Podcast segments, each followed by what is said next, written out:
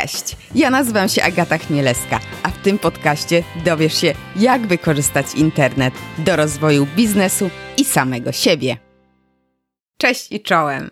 Czy masz może czasem wrażenie, że Twoja firma stanęła w miejscu, albo może szukasz sposobu na skalowanie swojego biznesu? Wiesz, że jest coś nie tak, ale nie do końca wiesz co. I w sumie nie masz kogo spytać. Jeżeli na te pytania odpowiedziałeś pozytywnie, e, no to może ten odcinek e, podcastu jakoś Ci pomoże, bo właśnie o tym rozmawiam z Michałem Staniszewskim, który, jak sam e, to określa, wspomaga organizację w dynamicznym rozwoju. Jak należy rozumieć to wspomaganie organizacji w dynamicznym rozwoju? To jest takie wdrażanie innowacji do, do biznesu, do firmy, usprawnianie sposobu działania, tak, e, zarówno współpracy ludzi, jak i procesów, e, odkrywanie dynamiki talentów jej członków. O dynamice talentów właśnie też trochę więcej rozmawiamy. E, no i to jest też wdrażanie jakichś takich procedur, procesów, optymalizacja tego, co się dzieje w firmie. E, no i to tak naprawdę, tak jak rozmawialiśmy, to wyszło, że to jest tylko tak naprawdę e, kilka głównych obszarów, jakimi zajmuje się Michał. E, a z tego, co opowiadał, to mam wrażenie, że jego wsparcie w wielu firmach jest bezcenne. E, przynajmniej gdy coś jest nie tak, a nie wiadomo co. Wiesz co, w sumie jeżeli nawet z twoją firmą jest wszystko ok, to fajnie posłuchać, bo Michał podaje kilka narzędzi, y, testów, które mm, mogą zweryfikować, jak nam idzie, co możemy poprawić. No ogólnie posłuchaj, a później daj mi znać, co myślisz.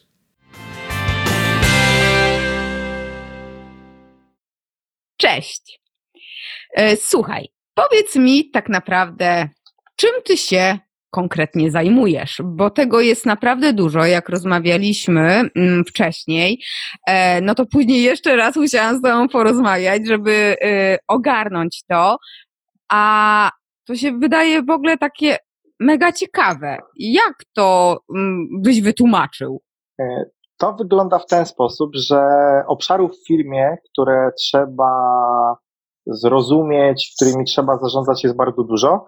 I to, czym ja się zajmuję, to jest popatrzenie na firmę z takiego lotu ptaka, popatrzenie strategicznie na to, jak firma funkcjonuje w różnych obszarach i później przyjrzenie się bardziej dokładnie konkretnym miejscom, w którym ja albo właściciel firmy, z którym pracuję, widzi, widzi problemy czy wyzwania, które e, go spotykają jakby na tej drodze rozwoju jako przedsiębiorcy. Mhm, ale to jak rozumiem, wchodzisz do różnych firm, tak? Współpracujesz z różnymi i firmami i jesteś, no tak, e, nie wiem, interim managerem, tak? Czy, czy jak to wygląda, jak e, od strony właśnie firmy? Mhm. Jeżeli chodzi o rozmiar firmy, jej wielkość, to można ją różnie definiować, zależy jakimi kryteriami będziemy się posługiwać, ale jest dokładnie tak, jak mówisz, czyli ja współpracuję z wieloma różnymi rodzajami firm, to znaczy Mniejsze znaczeniem na wielkość firmy, oczywiście jest kwestia pewnie moich priorytetów, czy tych firm, wielkości firm, których daje największą wartość, ale nie ma przeszkód w tym, żeby pracować z jednoosobową firmą i z osobą, która dopiero zaczyna swoją karierę jako przedsiębiorca, ponieważ ona też musi popatrzeć na swój biznes tak y, przekrojowo, całościowo, no nie może o pewnych obszarach zapomnieć. Później ta firma, jeżeli się dobrze rozwija, to ona jest coraz bardziej skomplikowana, coraz więcej elementów trzeba dopracować. No i wtedy też z takimi firmami, powiedzmy od 10 do 25 osób, e, dobrze mi się pracuje, ale z racji też tego, że pracowałem w korporacjach, pracowałem w jednostkach sektora finansów publicznych, no to to są najczęściej organizacje, które mają po kilkuset, kilka tysięcy pracowników, no i tam ten poziom zaawansowania, złożoności jest po prostu największy. No i też budżety są bardzo duże, liczba klientów, które obsługują te firmy jest znacząca, ale zasady zarządzania są uniwersalne dla każdego z tych, z każdej wielkości tych firm. Mhm. No dobrze, no ale mm, zgłasza się do ciebie kto? To jaki problem ja mam, że ja ciebie szukam, albo ty mnie znajdujesz. Rozumiem.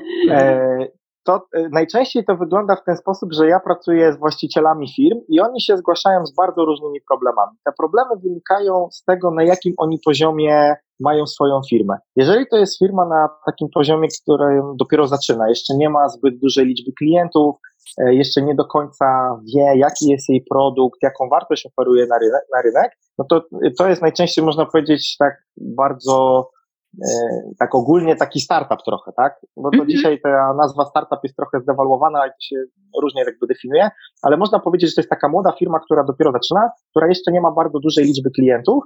No i taka firma, czy właściciel takiej firmy musi zwrócić uwagę na trochę inne elementy swojego modelu biznesowego i sposobu e, funkcjonowania firmy niż firma, która jest dojrzała.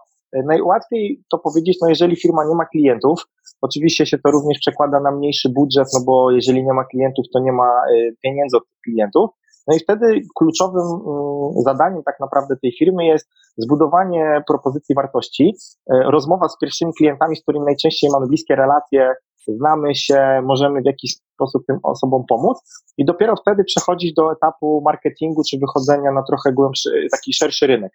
Jeżeli to jest już firma, e, która tych klientów ma, można powiedzieć tam ponad 10 do 100, ja tak sobie to e, najprościej definiuję, to ona najczęściej już wie, co robi, jaką wartość na rynek dostarcza, ale wtedy zaczyna się pojawiać u przedsiębiorcy taki problem, że on większość rzeczy robi sam e, i, i, nie ma czasu po prostu na to, żeby wszystkimi rzeczami czy wszystkimi obszarami się w firmie zająć. No i wtedy następuje jego decyzja, mniej lub bardziej świadoma tego, że on musi w jakiś sposób ten czas sobie uwolnić. No i może to zrobić na kilka sposobów. Takie dwa najprostsze to takie, że albo zaczyna zatrudniać e, osoby do swojego zespołu, i tu moglibyśmy bardzo długo rozmawiać, jakie to osoby do zespołu zatrudnić, kogo powinniśmy szukać, żeby tę firmę dynamicznie rozwijać. A drugi sposób to jest wejście w automatyzację, e, w tworzenie systemów e, i wdrażanie rozwiązań informatycznych, czy narzędzi internetowych, czy e, e, e, e, tak naprawdę, które pozwalają ten biznes skalować nie przez ludzi, ale przez technologię.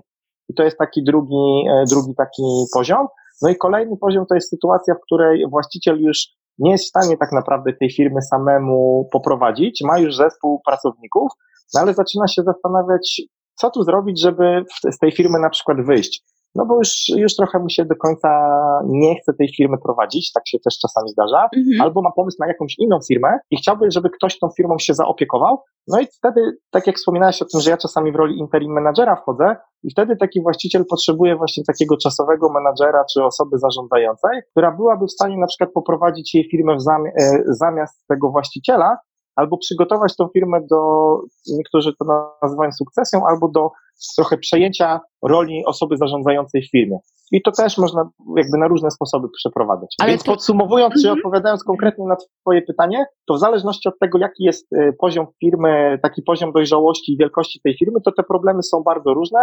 Y, najczęściej albo właśnie związane z tym, że brakuje klientów, dopiero zaczynamy, nie do końca wiemy, jak sobie z tym poradzić, albo sytuacja, w której właściciel wszystko robi sam i musi niektóre zadania oddać swoim e, pracownikom albo oddać to systemom informatycznym. No i trzeci, jak już ma zespół, to jak na przykład tym zespołem zarządzać, żeby pracownicy byli zaangażowani, żeby chcieli e, w tej firmie e, ciężko pracować, albo żeby po prostu mieli dobrą atmosferę w pracy, bo to też jest niezmiernie ważne. Mhm. No to ja tutaj widzę w sumie kilka pytań. Pierwsze pytanie, jak nie ma klientów, to też właśnie o tym, co mówiłeś, nie ma e, no, funduszy chyba na e, wynajęcie e, takiej osoby jak ty, nawet no, nie wchodząc tam w koszta tego, ale tak mi się wydaje. A drugi z kolei tutaj taki widzę też takie pytanie, tak, co, co mnie zainteresowało wchodzisz sobie do firmy, którą no, ten e, właściciel myśli o tym, żeby sprzedać, przygotować do sprzedaży, chce sobie od niej odpocząć, no to tak naprawdę jak długo taka współpraca też z Tobą przebiega? No to w sumie dwa pytania, tak? O tego Aha. E, brak klientów, no to też jest brak e, kasy, budżetu, tak? A z drugiej strony właśnie, mm, no tutaj to, to mm, no ta dojrzała firma, która jest na sprzedaż przygotowywana. Aha. To może odpowiem na to pierwsze pytanie najpierw. Mhm. E, z racji tego, że już wiele lat jakby pracuję na rynku i z różnymi właśnie klientami na różnym poziomie dojrzałości się spotykam, to doszliśmy do wniosku, że w ramach wartości firmy, bo tym, co ja się zajmuję, to jest wspomaganie przedsiębiorców, wspomaganie organizacji w dynamicznym rozwoju, to y, organizujemy różnego rodzaju wydarzenia, czy eventy, czy spotkania, podczas których też dzielimy się wiedzą, czy na przykład na, na social media, na Facebooku, na LinkedInie, czy właśnie podczas jakichś spotkań networkingowych. No i bardzo dużo takich y, bardzo prostych y, mechanizmów, y, porad po prostu wychodzi w trakcie rozmów, w trakcie spotkań, jakichś rekomendacji, zwrócenia uwagi takiego przedsiębiorcy na rzeczy, na, na rzeczach, które on się musi po prostu skupić mhm. i o które musi zadbać. Y, druga sprawa jest taka, że jeżeli wyjdziemy z założenia, że to jest po prostu pomaganie innym osobom w obszarach, które one na przykład nie mają wiedzy, albo nie mają ekspertyzy, nie mają talentu, a mają ekspertyzę w innym obszarze, to czasami jakaś e, wymiana barterowa też wchodzi w grę, w której powiedzmy ten aspekt y, czysto finansowy ma mniejsze znaczenie, ale sytuacja, w której ja na przykład dostarczam wiedzę w moich obszarach ekspertyzy, a ta druga osoba w swoich. Jeżeli jesteśmy w stanie złapać e, taki wspólny front, czy złapać, ja, ja to tak zwykle nazywam, złapmy się razem za ręce i zróbmy razem ciekawy projekt, a mhm. pieniędzmi czy wynikiem tego projektu się podzielimy, no to czasami wtedy warto, warto też taką współpracę wejść, bo ona może nie ma dzisiaj od razu takiego finansowego e, efektu, ale dbamy o to, żebyśmy razem wspólnie ten efekt osiągnęli, wtedy po prostu mamy jakiś budżet, którym możemy się podzielić w jakimś określonym na przykład procencie w zależności od wkładu pracy. Mhm. E, jeżeli chodzi o drugą, e, to rozumiem, ile czasu trwa, żebym dobrze przypomniał sobie to pytanie, ile czasu trwa taka współpraca? Dobrze, tak, dobrze pamiętam tak. to pytanie? Tak, mhm. tak, tak. Jak jest właśnie dojrzała firma i tutaj pojawia mhm. się pomysł na przygotowanie jej do sprzedaży albo właśnie odpoczynek mhm. jakiś, e, mhm. no to właśnie jak to wygląda, bo to jest takie mm, interesujące. Z mojej perspektywy to wszystko zależy od tego, jaki jest, ja to nazywam poziom dojrzałości organizacji. To znaczy czasami jest tak, że przedsiębiorca sam swoim talentem, intuicją, doświadczeniem wieloletnim e, na tyle dobrze przygotował organizację, że ona E, tak naprawdę jest już gotowa do tego, żeby on z tej organizacji mógł wyjść, no bo w trakcie lat pracy zaczął przekazywać zadania, jego rola jest dzisiaj bardziej takiego zarządzania strategicznego, patrzenia e, bardziej e, do przodu firmy i takiego mniej mikrozarządzania. No i wtedy tej pracy jest mniej, wtedy ta firma jest, można powiedzieć, dosyć szybko gotowa do, do tego, żeby ją sprzedać, albo właściciel mógł z tej firmy wyjść i przekazać ją komuś innemu, ale dos- częściej tak naprawdę zdarzają się firmy, gdzie e, właściciel e, ma na swojej głowie praktycznie wszystkie procesy biznesowe, które są w organizacji, no i wtedy w zależności od tego, ile tych procesów jest, ilu jest klientów, jak bardzo skomplikowana jest ta struktura, no to ten proces czasami może zająć, e, nie wiem, rok albo dłużej. Mhm. Oczywiście wszystko zależy od tego, na jaki projekt my się umówimy, taki doradczy, ile taka współpraca ma trwać. Zwykle na takich projektach ja minimum trzy miesiące sobie daję takiej współpracy, dlatego że przez te trzy miesiące jestem w stanie dużo lepiej poznać organizację, popatrzeć sobie na to, jakie są problemy. Przy czym te trzy miesiące to nie jest taki czas, w której ja trzy miesiące dzień w dzień siedzę w organizacji, tylko mhm. jakbyśmy mieli policzyć taki czas netto, to czasami tak? to jest po prostu nawet tydzień, takiego, że wchodzimy na tydzień i codziennie sobie rozmawiamy z pracownikami, e, mamy jakieś wywiady, mamy e, spotkania, mamy warsztaty i wtedy, jeżeli organizacja jest w stanie e, dostarczyć produkty, czy procesy, czy jakiś efekt swojej pracy, który jest potrzebny do tego, żeby ten właściciel mógł tą firmę opuścić, to czasami może być dużo szybciej. To zależy od jego nastawienia, podejścia do projektu, też czasu, bo okazuje się, że często firmy nie mają czasu na to, żeby pracować nad swoim rozwojem, no bo jest tak dużo bieżącej pracy, no że jak się pytam, czy jest na przykład e, taka szansa na to, żeby spotkać się na dwie godziny na przykład w tygodniu, żeby popracować nad rozwojem, to się okazuje, że tego czasu też nie ma. I to wtedy jest najtrudniej, bo nie ma i czasu, i nie do końca czasami biznes dobrze idzie. No tak, tak. A mówisz o procesach. A jakie to są procesy? Bo e, pojawiło się tam troszeczkę o e, właśnie zarządzaniu pracownikami, tutaj troszeczkę o marketingu, -huh. tutaj jakieś inne procesy. Właśnie, to jakie to są procesy? Okej. Okay. Ja wychodzę w ogóle z założenia, że wszystkie rzeczy, które realizujemy w organizacji, możemy robić na tak naprawdę dwa sposoby. Pierwszy sposób to jest właśnie zarządzanie procesowe, gdzie my mamy pewne zadania, które są do zrobienia w firmie. One mają określony czas realizacji, e, mają określoną osobę, która odpowiada za realizowanie tych zadań, wykonanie tych zadań. E, jest pewna logika tych zadań, czyli jakaś kolejność, w których te zadania powinny być wykonywane. Bardzo prosto to obrazując, czyli jeżeli zrobiliśmy jakąś pracę dla naszego klienta, mhm. no to najczęściej po wykonanej pracy wystawiamy temu klientowi fakturę, tak? No i teraz mogą być takie sytuacje, w której my najpierw wystawiamy fakturę, dopiero później realizujemy pracę, a mogą być takie procesy, w której najpierw robimy pracę, dopiero później wystawiamy fakturę. I to jest wynik jakby specyfiki po prostu funkcjonowania firmy. Mhm. I teraz moim zadaniem jest to, żeby e, w takiej organizacji zbudować taką strukturę procesów, które w tej firmie są i poukładać to w taki sposób, żeby to było uporządkowane. O co tutaj chodzi?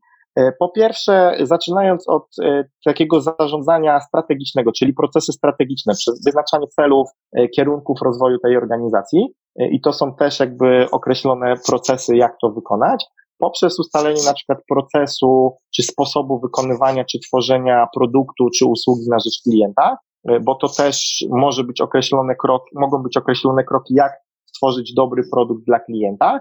Później poprzez proces marketingu, czyli pokazywania tego produktu czy tej usługi na rzecz klientów.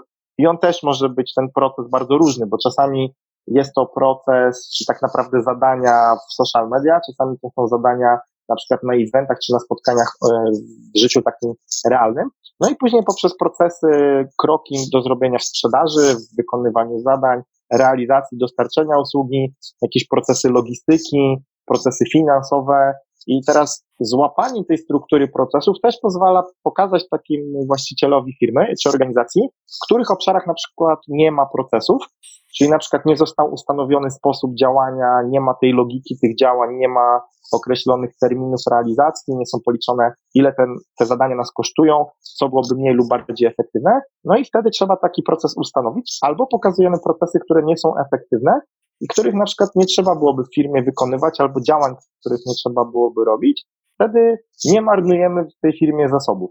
I to jest jakby takie podejście, takie całościowe do wszystkich procesów, zadań, które w firmie się dzieją i domykając jakby tą, ten wątek procesów, często się mówi o zarządzaniu projektowym w firmach.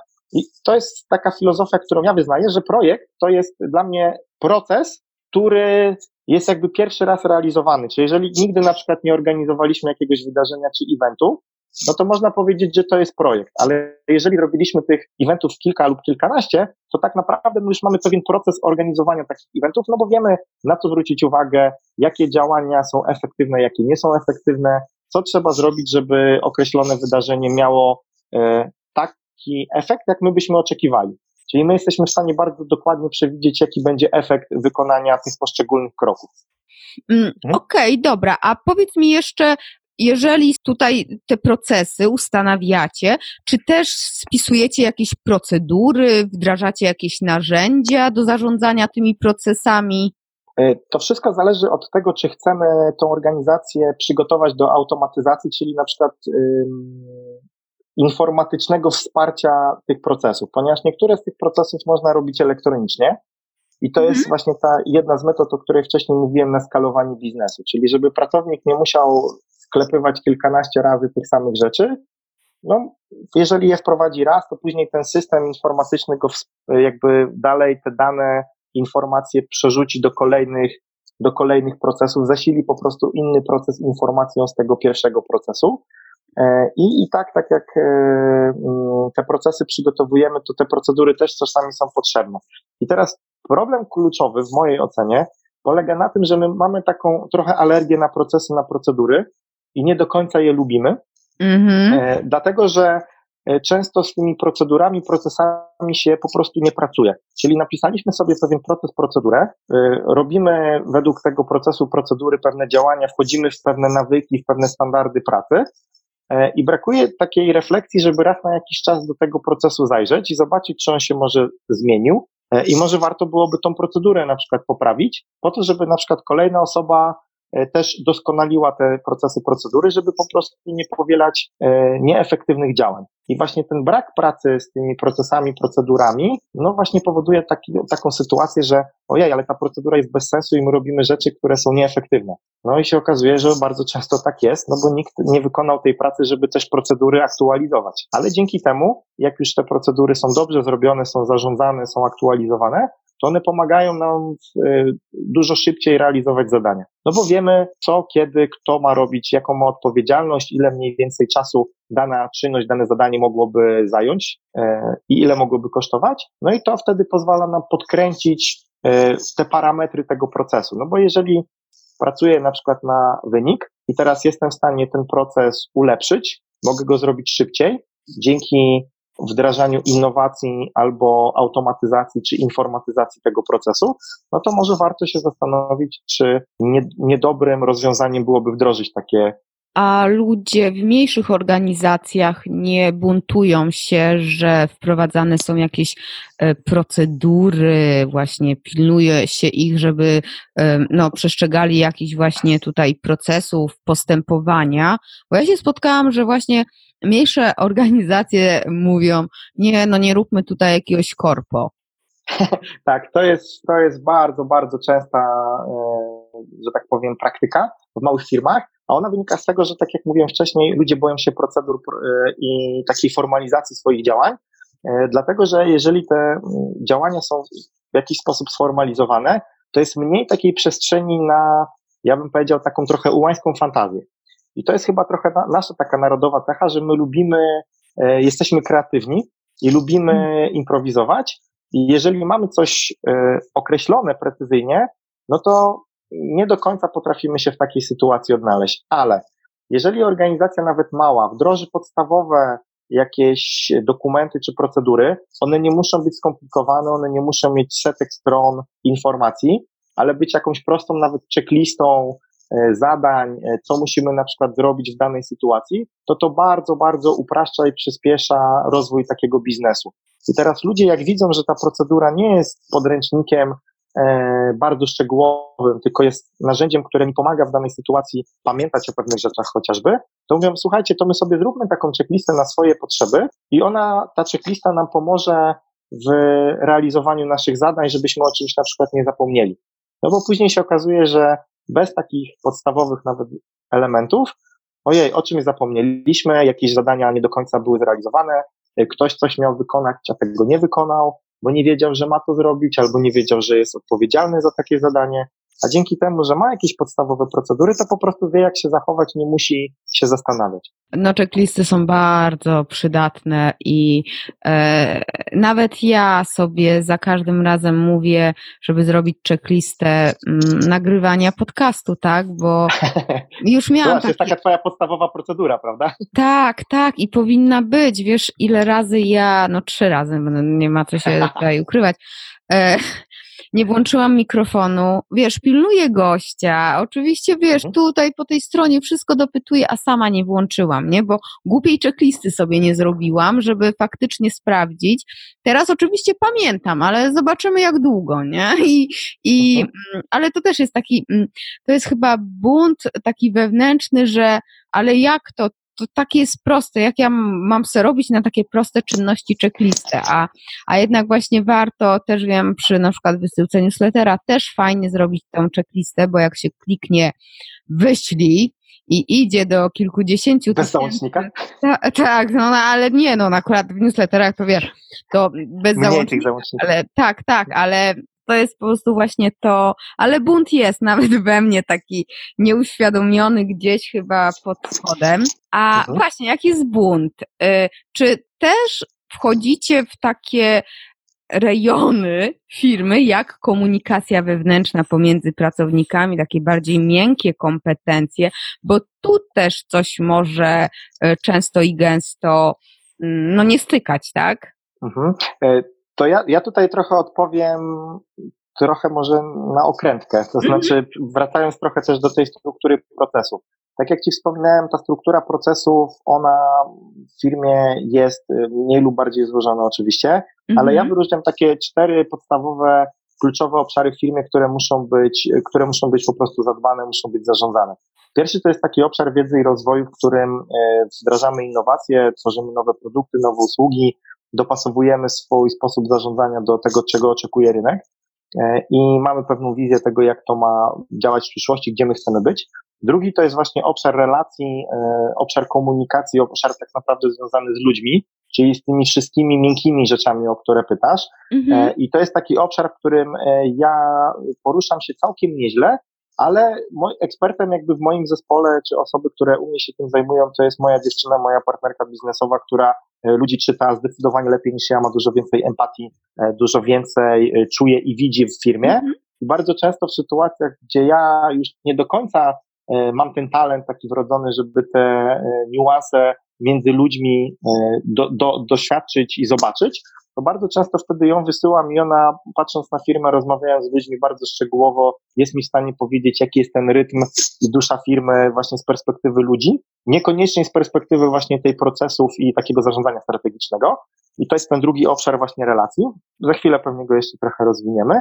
Trzeci obszar to jest właśnie obszar procesów, procedur, y, sposobu realizowania zadań. I ostatni, też nie mniej ważny, myślę, że równie ważny jak te pozostałe trzy, to jest obszar finansów i mm takiej analityki, jak niektórzy mówią, KPI, parametrów, wskaźników, mierników efektywności, który też dla nie wszystkich jest takim dobrym obszarem, bo E, jeżeli chodzi o aspekty miękkie, to czasami jest je trudno policzyć, a w tym obszarze finansowym jednak cyferki, koszt pracownika, jego zaangażowanie, entuzjazm da się też przełożyć na konkretną wymierną wartość finansową. Jeżeli te cztery obszary są ze sobą e, synchronizowane i spójne, to dosyć łatwo można zobaczyć, w których obszarach to nie do końca działa. I teraz, jeżeli coś nie do końca dobrze działa w relacjach, i my to też analizujemy, badamy, rozmawiamy z pracownikami, to się bardzo łatwo później przekłada na proces, bo jeżeli ktoś na przykład nie dogaduje się i naj, takim najprostszym przykładem niedogadywania się między działami to jest marketing i sprzedaż, mm. to niewiele godzin, wiele już spotkań na ten temat było, to z punktu widzenia relacji to jest niedogadywanie się pomiędzy działem marketingu, sprzedaży, a z perspektywy procesów to jest niedogadywanie się, czy nie przekazywanie odpowiedniej informacji czy danych z jednego, z jednego działu do drugiego, czyli proces marketingu, który moglibyśmy sobie w jakiś sposób zdefiniować, nie zasila w odpowiedni sposób procesu sprzedaży, co się w konsekwencji później przekłada na nie do końca satysfakcjonujące wyniki finansowe. Więc dokładnie tak jak mówisz, ten obszar miękkich kompetencji też jest szalenie ważny. No, to jest e, mega, zwłaszcza jeszcze jeżeli chodzi tutaj faktycznie międzydziałowo i tak jak mówisz, E, sprzedaż e, narzeka na jakość lidów, tak, no tak. Tutaj, tak już mówiąc, bardzo marketingowo i branżowo. Kon konkretny problem, konkretny problem biznesowy po prostu. Tak, tak, tak, a, a z kolei marketing, że oni nie umieją domykać, więc e, to jak najbardziej, to jest bardzo w sumie, e, mam nadzieję, że to już się zmniejsza, ale faktycznie no, to jest niezbędne do, do e, współpracy, ale też jeżeli chodzi o zarządzanie ludźmi jako menadżer, menadżer, nie? I tak. E, tutaj to też jest chyba ważne, żeby mm, no, być dobrym liderem, menadżerem, to też są różne, e, jedni Szkoły. mówią, tak, tak, e, że to jest to samo, inni mówią, że nie, ale też do tego troszeczkę tak dążę, bo mm, wspomniałeś o teście Dynamo, dobrze, dobrze pamiętam, że też... Dynamiki talentów, tak. tak jako tak, narzędzia, tak. które nam pomaga poukładać te kwestie, tak. No właśnie, rozwiń, co to jest? E, tak jak mówiliśmy o tym skalowaniu biznesów, skalowaniu przedsiębiorstwa poprzez właśnie zwiększenie liczby klientów, no to jednym z narzędzi, które my używamy do tego, żeby zdiagnozować firmę, zdiagnozować osoby w organizacji, to jest test taki, który się nazywa dynamika talentów i on pokazuje, z jakimi profilami biznesowymi mamy do czynienia w organizacji. E, I to, co, o czym wspominasz, Dynamo, to jest jedna z częstotliwości, czyli taka pierwsza, można powiedzieć, warstwa analizowania biznesu. E, tak jak wspominałem o tych czterech obszarach firmy, czyli wiedzy rozwoju, e, ludzi, relacji, procesów i finansów, tak samo te cztery częstotliwości w dynamice to jest energia dynamo, czyli wiedza, rozwój, energia blast, czyli komunikacja, relacje, energia tempo, czyli właśnie procesy, procedury i energia stal, czyli mierniki, efektywność i wskaźniki. I te cztery e, obszary, one się przenikają na przestrzeni lat, wieków, cykli życia w przyrodzie. I jak się zaczyna z tym głębiej pracować, to się okazuje, że no wiele, wiele tych obszarów w firmie dzięki takiemu podejściu też da się poukładać. No bo jest jakiś naturalny cykl rozwoju E, w przyrodzie, rozwoju organizacji, rozwoju nas jako ludzi, gdzie zaczynamy od tego pierwszego elementu dynamo, silnego wzrostu, rozwoju nowej firmy, wiosny, e, nowej pory roku, przechodząc później w tą energię blask, czyli ciepło, czyli relacje, ogrzewania tego ziarenka pomysłu czy idei, czy rozmowy z ludźmi, z klientami, poprzez później jesień, gdzie zbieramy owoce, jesteśmy trochę spokojniejsi, powoli przygotowujemy się do zimy i bardziej tutaj jakby stabilizacja, bardziej odpoczywamy. No i później ten okres zimy, gdzie musimy się po prostu do tej zimy dobrze przygotować, e, wyciągnąć wnioski, e, zastanowić się, co moglibyśmy w kolejnym tym cyklu rozwoju firmy, w kolejnym cyklu rozwoju rynku czy branży też przygotować się lepiej po prostu na kolejne, na kolejne te cykle rozwoju. Więc jakby to, jeżeli chodzi o taką pierwszą warstwę jakby w zakresie dynamiki jako narzędzia, no i później moglibyśmy pójść trochę głębiej, bo to są takie cztery podstawowe częstotliwości. Jest jeszcze piąta, taka, o której się głośno nie mówi, czyli taka częstotliwość związana z pytaniem, dlaczego robimy to, co robimy, czyli o pewien sens funkcjonowania firmy, sens zakładania działalności, sens w ogóle współpracy dla wyników jako organizacji, czy sens pomagania innym ludziom w ich drodze, na przykład jako przedsiębiorcy. Więc to też czasami warto na to zwrócić uwagę. Taki e, tajny składnik, taki piąty element e, rzeczywistości, która nas otacza i taki bardzo, bym powiedział, filozoficzne patrzenie na rozwój biznesu teraz powiedziałeś o tych fazach rozwoju firmy, a jak mhm. to się przekłada, bo też mówiłeś, że to wpływa na ludzi, na nas mhm. I właśnie, jak to się ma do ludzi, bo rozumiem, że tutaj jest początek, wiosna tej firmy, w ogóle mhm. rozkwita i w ogóle bla, bla, bla, jesień, a tutaj na ludzi to chodzi o wiek? Nie.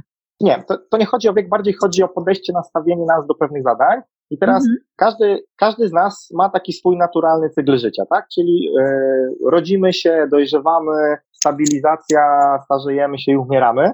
I można powiedzieć, że taki cykl życia człowieka y, jest jakby naturalny.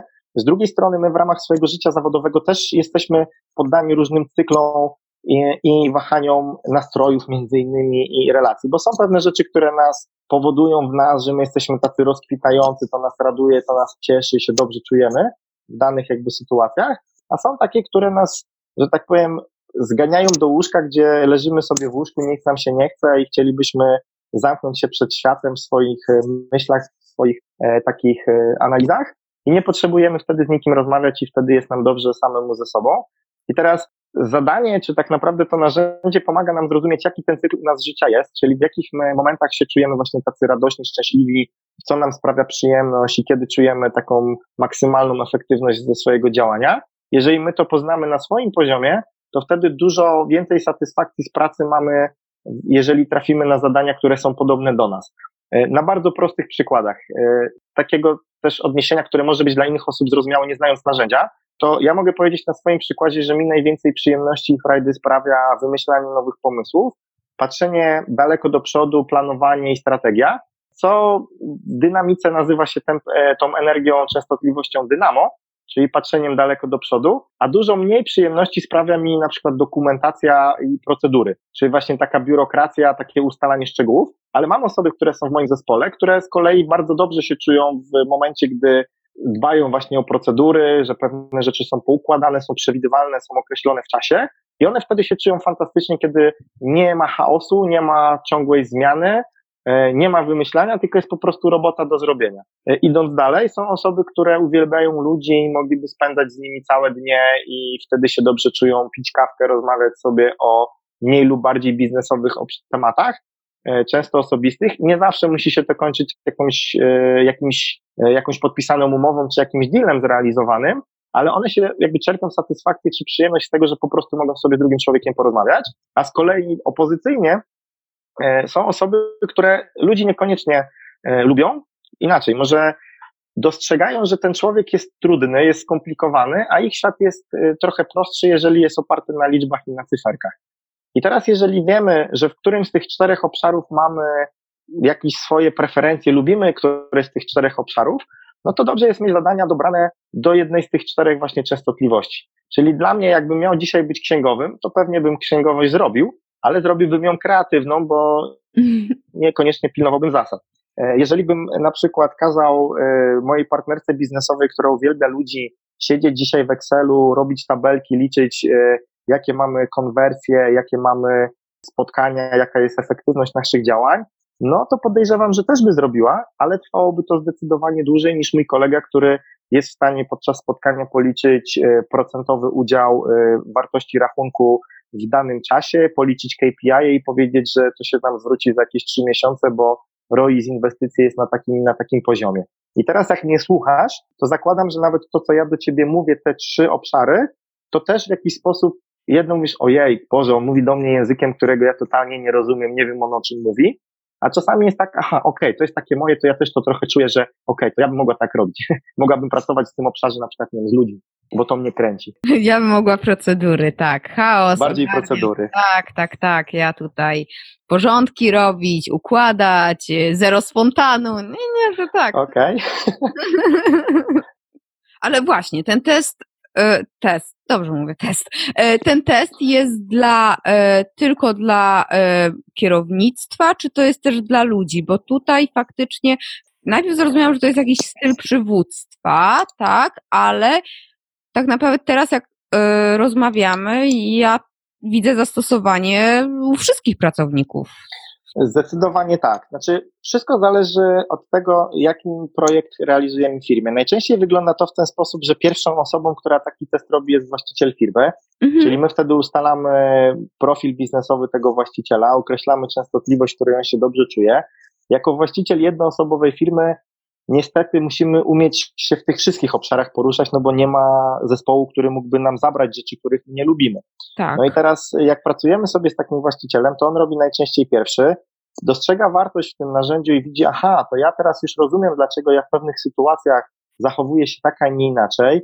Rozumiem, dlaczego pewne zadania w firmie spycham lub ich nie robię, bo ich nie lubię i mi się mm. ich nie chce robić niestety no, trzeba wszystkie zrobić. E, I później zaczyna dostrzegać, aha, czyli jeżeli ja bym wszedł na poziom, w którym mogę zatrudnić pracownika, który będzie robił zadania, których ja nie lubię, on będzie te zadania wykonywał z radością i z przyjemnością, to może to jest sposób na rozwinięcie mojej firmy właśnie przez zatrudnianie osób i to na poziomie mikro. Jeżeli wchodzimy do firmy większej, gdzie są, jest większa liczba pracowników, jest tak, że my po prostu każdego z pracowników analizujemy, rozmawiamy, spotykamy się na taką indywidualną sesję, podczas której to sesji ten pracownik wypełnia z nami ten test, my go omawiamy, czasami poruszamy takie tematy niekoniecznie biznesowe, e, czasami to są tematy takie miękkie, kogo lubimy w firmie, kogo nie lubimy, z kim mamy tam e, nie do końca dobre relacje. I później jak my sobie robimy takie spotkanie wspólnie dla takiego całego zespołu, to okazuje się, że wiele konfliktów, wiele nieporozumień, wiele takiej złej krwi wynika po pierwsze z tego, jakimi częstotliwościami jesteśmy w firmie, czyli że Dynamo nie do końca się dogaduje z traderami inaczej patrzy na rzeczywistość, która w tej organizacji jest. I to jest taki pierwszy, e, pierwszy taki objaw, że coś nie do końca dobrze działa. A drugi, jak dorzucamy tą warstwę poziomów biznesowych, e, czyli tego, na jakim my, na przykład jakie my kiedyś projekty robiliśmy, bo jeżeli ktoś kiedyś robił projekt na, nie wiem, 100 milionów złotych, i zrobił taki projekt, y, był kierownikiem takiego projektu, albo dla niego taki projekt jest y, powiedzmy naturalny i, i robił takich projektów dużo, ma dużo doświadczenia, to bardzo ciężko czasami się dogadać z osobą, która dopiero zaczyna swoją karierę zawodową i na przykład nie umie zrobić projektu na na przykład tysiąc albo dziesięć tysięcy złotych, ponieważ ona tego doświadczenia nie ma. I to też jest taki problem, gdy zatrudniamy osoby bez doświadczenia, że my musimy tym osobom poświęcić czas, jeżeli nie mamy zrobionych dobrze procedur, i się też nie rozumiemy już nie tylko na poziomie tych częstotliwości profilu biznesowego, ale również nie rozumiemy się na poziomie takiego poziomu rozwoju biznesu. Czyli tego, że ja prowadziłem biznes na poziomie milion złotych, wiem jakie są problemy, widzę przeszkody, e, wiem, że e, takie i takie zagrożenia będą lub takie szanse są w biznesie, a z drugiej strony osoba, która tego doświadczenia nie ma, po prostu no, nie jest w stanie, nie jest dla mnie wtedy takim partnerem do rozmowy, bo ona wtedy trochę inaczej patrzy na biznes i umiejętność i sztuka zarządzania czy budowania firmy polega na tym, żeby zarówno i profile, i poziom biznesowy mieć poukładane w taki strategiczny sposób. Jeszcze taka jedna, jedna zdanie, które wydaje mi się, że może być kluczowe. Mhm. Bardzo często okazuje się, że ten poziom, na którym jest właściciel firmy, e, czyli na przykład poziom finansowy, że na przykład w domu nie do końca te finanse są dobrze zrobione, a w pracy się to też przekłada, no powoduje, że ten poziom biznesowy jest ograniczeniem dla rozwoju firmy. No i to jest y, właśnie kwestia sposobu zarządzania tą firmą, sposobu zarządzania budżetem. Y, z takich prostych przykładów, które powiedzmy z życia mogę podać jako case study, bo myślę, że to też może być dla Ciebie ciekawe. Mm tak. Sytuacja, w której właściciel firmy na przykład nie rozdziela swoich pieniędzy osobistych od pieniędzy firmowych, albo na przykład nie jest w stanie mi powiedzieć, jakie on wynagrodzenie z firmy co miesiąc uzyskuje, ponieważ dla niego budżet, jakby budżet firmowy i budżet osobisty są jednym i tym samym budżetem.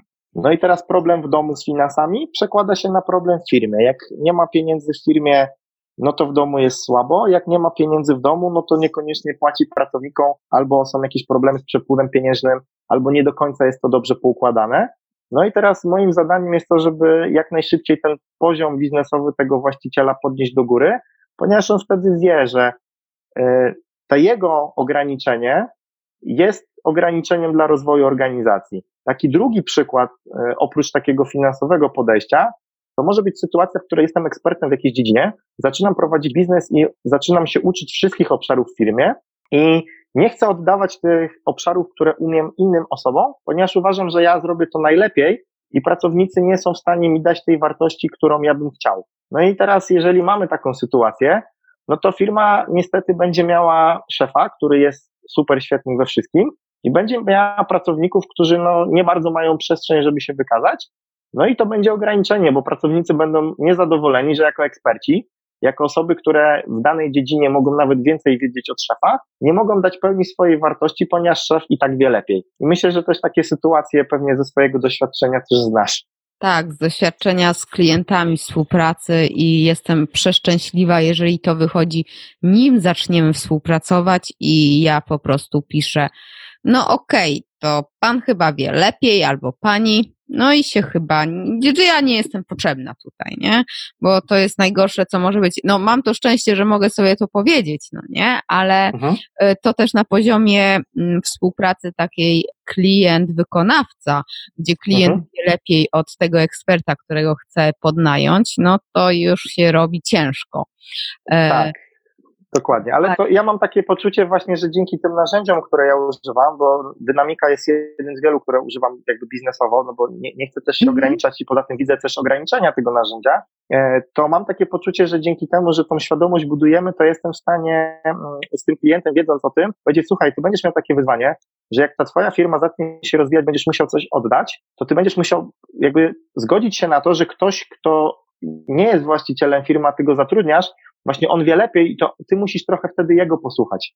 No bo też mówi się o tym często, tak jak ja sobie przypominam jakieś memy w internecie, e, czy, czy jakieś takie um, cytaty sławnych ludzi, chyba Steve Jobs o tym mówił, tak, że e, jak mam zatrudniać ludzi głupszych od siebie, to jest trochę bez sensu, bo lepiej zatrudnić tych, co wiedzą lepiej, żeby mi powiedzieli, co mam zrobić w firmie, bo oni wiedzą lepiej. Nie wiem, czy dokładnie tak brzmiał ten cytat, ale myślę, że ideę czy sens jakby kojarzysz albo pewnie znasz nawet tak, ten cytat tak. lepiej niż ja.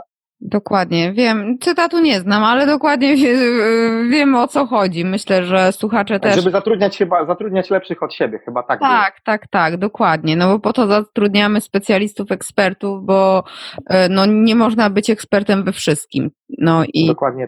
to jest tak. bardzo ważne. A mm, to też, co mówiłeś o tych właśnie konfliktach, troszeczkę mam takie wrażenie, że e, są firmy, przedsiębiorstwa, gdzie jednak jest to takie Zostańmy przy liczydle albo kalkulatorze, nie wprowadzajmy narzędzi online. W ogóle e, internet jest B, nowoczesne narzędzia są B i to też chyba e, pojawia się taki konflikt? Czy masz z tym doświadczenie jakieś, że właśnie nie wchodzimy w świat online, sprzedaży online, bo przecież jest dobrze jak jest? E, to, to tutaj dla mnie są takie dwa elementy. Pierwszy element wynikający właśnie z tych profili biznesowych, że nie wszystkie profile biznesowe lubią nowości, lubią mhm. innowacje, lubią wdrożenia nowych rzeczy, ponieważ wolą coś, co jest stabilne, przewidywalne i to też jest jakby związane e, z tą dyfuzją innowacji, czyli są innowatorzy, którzy po prostu kupują e, nowe rzeczy, nawet jeżeli one są niesprawdzone, nieprzetestowane i po prostu je mają, bo chcą być jakby na fali tych nowości i innowacji, to są takie osoby, które najpierw muszą trochę się przyjrzeć, e, popatrzeć, czy to działa, czy to nie działa, czy to jest na pewno dla mnie. E, no i później mamy te osoby, które są jakby tym głównym rynkiem, który jest jakby najszerszy, czyli osoby, które, aha, dobra, to już jest, działa, to sprawdzone zostało, ci wszyscy e, wariaci na początku już to kupili, przetestowali, to jest działające i teraz my w to wchodzimy, no i będą osoby, które powiedzą, nie, nie, w ogóle zanim one w ogóle wejdą w te innowacje, to już jest w ogóle 15 nowych. A druga rzecz jest taka, wynikająca bardziej z tego poziomu biznesowego. Ja często się spotykam z właścicielami firm, którzy swoje firmy dawno temu otwierali i ich biznes był oparty nie o internet, tylko był oparty o relacje, o wypracowane kontakty. I oni mają na tyle duże zasoby dzisiaj już zgromadzone przez te wiele, wiele lat prowadzenia biznesu, e, że oni tak naprawdę z jednej strony nie potrzebują, no bo to jest pytanie o motywację. Właściciel, który jest już na pewnym poziomie biznesowym, generuje przychody, które pozwalają mu utrzymać standard życia, który ma, to czasami nie ma ochoty dodawać kolejnych zer e, do, do swojego biznesu, bo wie, że te kolejne zera, te kolejne e, wyzwania, kolejne te poprzeczki, które w biznesie sobie stawia, no one mogą być obarczone pewnym ryzykiem, mogą być trudne, no i wymagają wysiłku. I to jest tak naprawdę pytanie o to, kiedy i gdzie my sobie postawimy taką poprzeczkę, bo ja często się też spotykam z sytuacją, w której ktoś szedł na pewien poziom biznesowy, e, zarabiał kilkadziesiąt tysięcy czy milionów złotych i mówi sobie tak, wiecie co, ja chyba już trochę nie chcę tak mocno e, pracować, nie chcę już tego całego stresu, tych wyzwań, tego wysiłku, który jest związany z tym, że na wyższy poziom biznesowy. Ja po prostu chcę trochę odpocząć, zająć się czymś innym. Finansowo jestem ustawiony, biznes się kręci, poszukam jakichś innych rozwiązań, może trochę spokojniej, może trochę wolniej. I to jest absolutnie naturalna rzecz. To znaczy, najważniejsze też w mojej ocenie jest to, żeby ta decyzja była świadoma. To znaczy, powiedzenia sobie, że jeżeli ktoś chce i widzi potencjał, żeby w tej firmie zrobić jakiś lepszy wynik, nie wiem, więcej tych zer na koncie, żeby się pojawiło, to może warto dać taką firmę właśnie interim menadżerowi, czy jakiejś osobie zarządzającej, czy przeprowadzić proces sukcesji i powiedzieć, słuchaj, e, ja tu jako mentor będę w tej firmie e, pomagał, będę patrzył na to z boku jako taki doradca, wsparcie, osoba z większym doświadczeniem, ale ty się tym zajmij, bo może to jest moment, że właśnie może wprowadzić naszą firmę do internetu, bo tam jest dużo większy rynek. Ja nie do końca to czuję, ja nie do końca ten świat rozumiem i chciałbym, żeby zrobił to ktoś inny. No i, i to są takie firmy, które mają bardzo dobry potencjał. E, jeden z artykułów, ja chyba czytałem e, takie stwierdzenie, że to są takie biznesy e, przy autostradach czy przy drogach, czyli biznes, który ma jakąś halę, czy magazyn, czy jakieś zasoby, nie ma go w internecie, nie ma strony internetowej, nikt nie myśli tam o social mediach, ale to jest biznes, który zatrudnia kilkunastu czy kilkudziesięciu pracowników, e, robi kilka lub kilkanaście milionów obrotu rocznie i, i po prostu fajnie się żyje w takiej, w takiej firmie. Tak po prostu jest bezpiecznie, stabilnie. Ryzyko jest tylko takie, że jeżeli nie, nie będzie takiego patrzenia daleko do przodu, no to ten biznes za chwilę wypadnie z rynku, bo po prostu konkurencja czy rynek taki biznes przegoni. A teraz mi się jeszcze takie pytanie odnośnie tego, jak rozmawialiśmy, no w sumie o wielkościach firmy i o budżetach, o jakie, no, budżecie, no tak, budżecie, finansach, jakie ma na, na szukanie pomocy u takich osób jak ty, a o branżę, czy e-commerce też e, w jakiś sposób, czy właśnie branże takie, no, firmy online, mm, też miałeś doświadczenie jakieś e, w tym, tym rejonie, obszarze? Jeżeli chodzi o wielkości firmy i, i branżę, to tak naprawdę branża ma mniejsze znaczenie, dlatego że zarządzanie jako nauka czy jako pewna umiejętność, ona jest uniwersalna, to znaczy nie ma znaczenia w jakiej branży działasz i tak musisz zarządzać pewnymi obszarami w firmie. I to się nie zmienia czy to jest branża e-commerce, czy to jest branża produkcji, czy to jest, nie wiem, branża choreka. E, różni się skala, oczywiście możliwość dotarcia do klientów, no bo w branży e-commerce'owej, no jednak ten rynek jest nieograniczony, tak, no bo internet e, tych ograniczeń aż tak dużo nie ma. W tych branżach tradycyjnych, e, no większy nacisk kładzie się na takie relacje bezpośrednie, no i to jest ograniczenie, do ilu osób jesteś w stanie umówić się na spotkanie, albo ile jesteś w stanie spotkań zrobić w ciągu dnia, tak? E, więc to jest jakby ten problem. Jeżeli chodzi o te wielkości i skalowanie firmy, to znowu zależy od tego, jaki masz produkt i do którego klienta uderzasz. Jeżeli jest to klient taki B2C, jak niektórzy mówią, no to, no to jednak musisz tych osób trochę więcej, że tak powiem, poznać, musi być więcej tych osób w lejku sprzedażowym. Pytanie też, jak robisz prospecting, kto ma być tym twoim idealnym klientem, z kim chcesz pracować bo to też pewnie długo moglibyśmy rozmawiać, jak ten lejek sprzedażowy y, w ogóle układać, e, czy, lepiej po prostu stawiać na jego jakość i od razu odsiewać klientów, którzy na pewno nie kupią, e, czy po prostu trzeba mieć duży zasięg, żeby z tego dużego zasięgu się znalazły te e, złote orzechy na końcu i ci idealni klienci. Ale ja sobie to zwykle układam na takie poziomy dziesięciokrotnej wielkości firmy. To znaczy, e, jeżeli mam na końcu procesu sprzedażowego mieć jednego klienta, no to ja muszę sobie zastanowić się krok wcześniej, ile ja muszę mieć na przykład spotkań, albo z iloma osobami muszę porozmawiać w internecie, w social mediach, tak blisko porozmawiać, zapytać i zdiagnozować, co u nich tam słychać, kim są, jakie mają problemy w biznesie, i z ilu z takich spotkań mam, jaki mam wskaźnik konwersji, żeby zamienić tego na tego, tą osobę, czy to spotkanie na klienta. No i teraz ja mam takie poczucie, że najczęściej na takich bezpośrednich ta moja konwersja jest dużo większa, no bo mogę dużo więcej rzeczy powiedzieć, jakby widzę, czuję tego człowieka, widzę jego emocje, lepiej mi się wtedy rozmawia, jakoś tak mi jest to lepiej dzisiaj robić, niż na przykład spotkania w internecie, które są trochę bardziej anonimowe, ja tej osoby nie widzę, nie czuję, nie dostrzegam pewnych niuansów, E, no i tych spotkań czy tych rozmów muszę przeprowadzić więcej. Żeby teraz znowu dojść do tego etapu spotkania, no to z ile osób musi w ogóle o mnie wiedzieć, ile osób musi być w tym moim lejku jako kontakty, lista osób, z którymi się spotykam. I, I to jakby tak naprawdę definiuje tą skalę biznesu.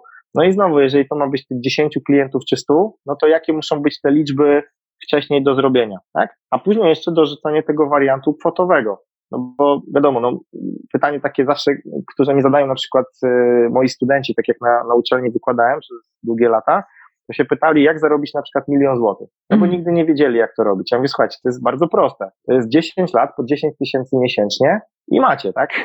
No. To się da zrobić. Pytanie, gdzie jest firma, która wam zapłaci 10 tysięcy miesięcznie, yy, da wam takie możliwości i czy chcecie 10 lat czekać? Tak? No bo to jest tutaj ważne. E, ale, ale to, to nie jest tak naprawdę pytanie o to, czy da się zrobić, czy nie, tylko kwestia, w jakim czasie jesteś w stanie osiągnąć wynik, który sobie zakładasz, tak? Bo tak jak mówiłem o tych czterech obszarach, to jednym z takich obszarów kluczowych, to co mówiłem, są finanse. I jak zaczynam współpracę z moim klientem, to często pytam go o wskaźniki. Czyli pytam, słuchaj, jakie ty dzisiaj masz przychody, jakie masz koszty, jakie te przychody, koszty były w zeszłym roku, jak to wyglądało w poszczególnych miesiącach, czy były jakieś miesiące słabsze czy lepsze, Później pytam o to, jacy klienci to kupowali. Czy to był jeden klient, który zapłacił, nie wiem, 10 tysięcy złotych za twój produkt, czy to było 100 klientów, którzy zapłacili po 100 zł czy po 1000 zł. No i później te każdy obszar firmy, czyli te produkty, ofertę, usługi, w jaki sposób dzielimy na takie małe kawałeczki i później się okazuje, kurczę, że tak naprawdę jak dobrze poukładamy strategię, dobrze ogarniemy produkt i dobrze go przygotowujemy jako propozycja wartości dla klienta, umiemy czy nauczymy się, jak tych klientów pozyskiwać, jak się z nimi spotykać, jak z nimi rozmawiać, jak e, diagnozować ich potrzeby, czy jak ten proces właśnie marketingu, sprzedaży ma dobrze wyglądać, no to później jest tylko kwestia czasu, jak e, szybko zrealizujemy sobie tą strategię i te nasze założenia, które mamy, i czy te liczby się po prostu biznesowo zgodzą. Tak, no wiesz, to, to też e, dochodzimy do kwestii jakichś celów, nie, biznesowych mhm. i mhm. myślę, że w każdy, każdy powinien sobie określić, tak, znać swój, swoją roboczą godzinę, nie, swoją wartość, mhm. no i mhm. też cele, do czego dąży, bo no trudno tutaj optymalizować coś, ale tak jak e, rozmawiamy, to mam wrażenie, że w sumie tak taką osobę jak ty, to tak co jakiś czas każdy powinien y, zatrudnić, żeby faktycznie, wiesz, przeszła, sprawdziła i powiedziała, mm, tutaj trzeba troszeczkę popracować, albo przy, przy e, taką osobę, która przywoła do porządku i skieruje na dobrą, e, na dobry tor. Wiesz co, Tro, no. Trochę tak jest, bo mm, czasami e, ja mam też takie poczucie, że mm, przedsiębiorcy często są trochę samotni w tej swojej podróży, ponieważ e, na przykład e, rodzina ich nie rozumie, bo oni prowadzą biznes, a rodzina im truje głowę, wróć na etat, no bo w biznesie ci nie idzie. No i tak trochę, kurczę, no jednak chciałbym być samodzielny, chciałbym tutaj swój biznes rozwijać, nie mam z kim pogadać. To się później przekłada na to, że jednak przedsiębiorcy szukają takich miejsc, gdzie z przedsiębiorcami innymi mogą porozmawiać, zaczynają szukać wiedzy Między innymi e, ta robota, którą ty robisz, czyli podcasty, że rozmawiasz o biznesie, rozmawiasz o różnych e, obszarach w tym biznesie, też jakby zapraszasz ekspertów, którzy mówią ci o ich punkcie widzenia, o tym sposobie prowadzenia biznesu, jaki oni mają i dają tą wartość właśnie e, przedsiębiorcom. To jest taki proces ciągłego uczenia się, ciągłego rozwoju.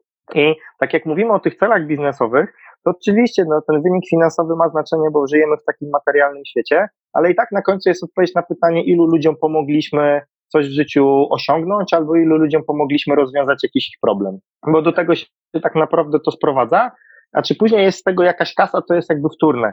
E, ja, ja trochę powiem z perspektywy mojej rodziny. No, moja rodzina zawsze tak miała, moja babcia, że ona po prostu y, nigdy nie liczyła tego na pryzmat pieniędzy, tylko liczba osób, którym ona pomogła przez całą swoją jakby karierę i taką zawodową, życiową, myślę, że mogłaby być setki czy w tysiące.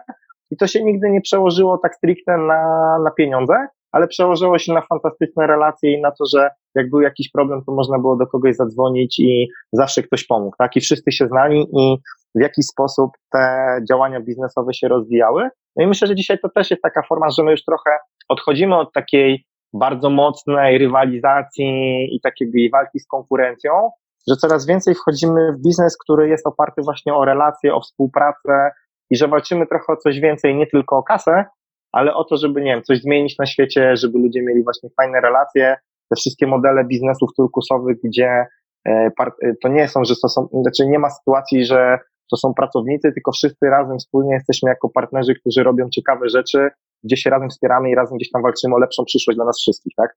Trochę może filozoficznie, ale ja jakby głęboko wierzę w to, że przedsiębiorcy mają tą moc, żeby ten świat trochę zmieniać na lepszy.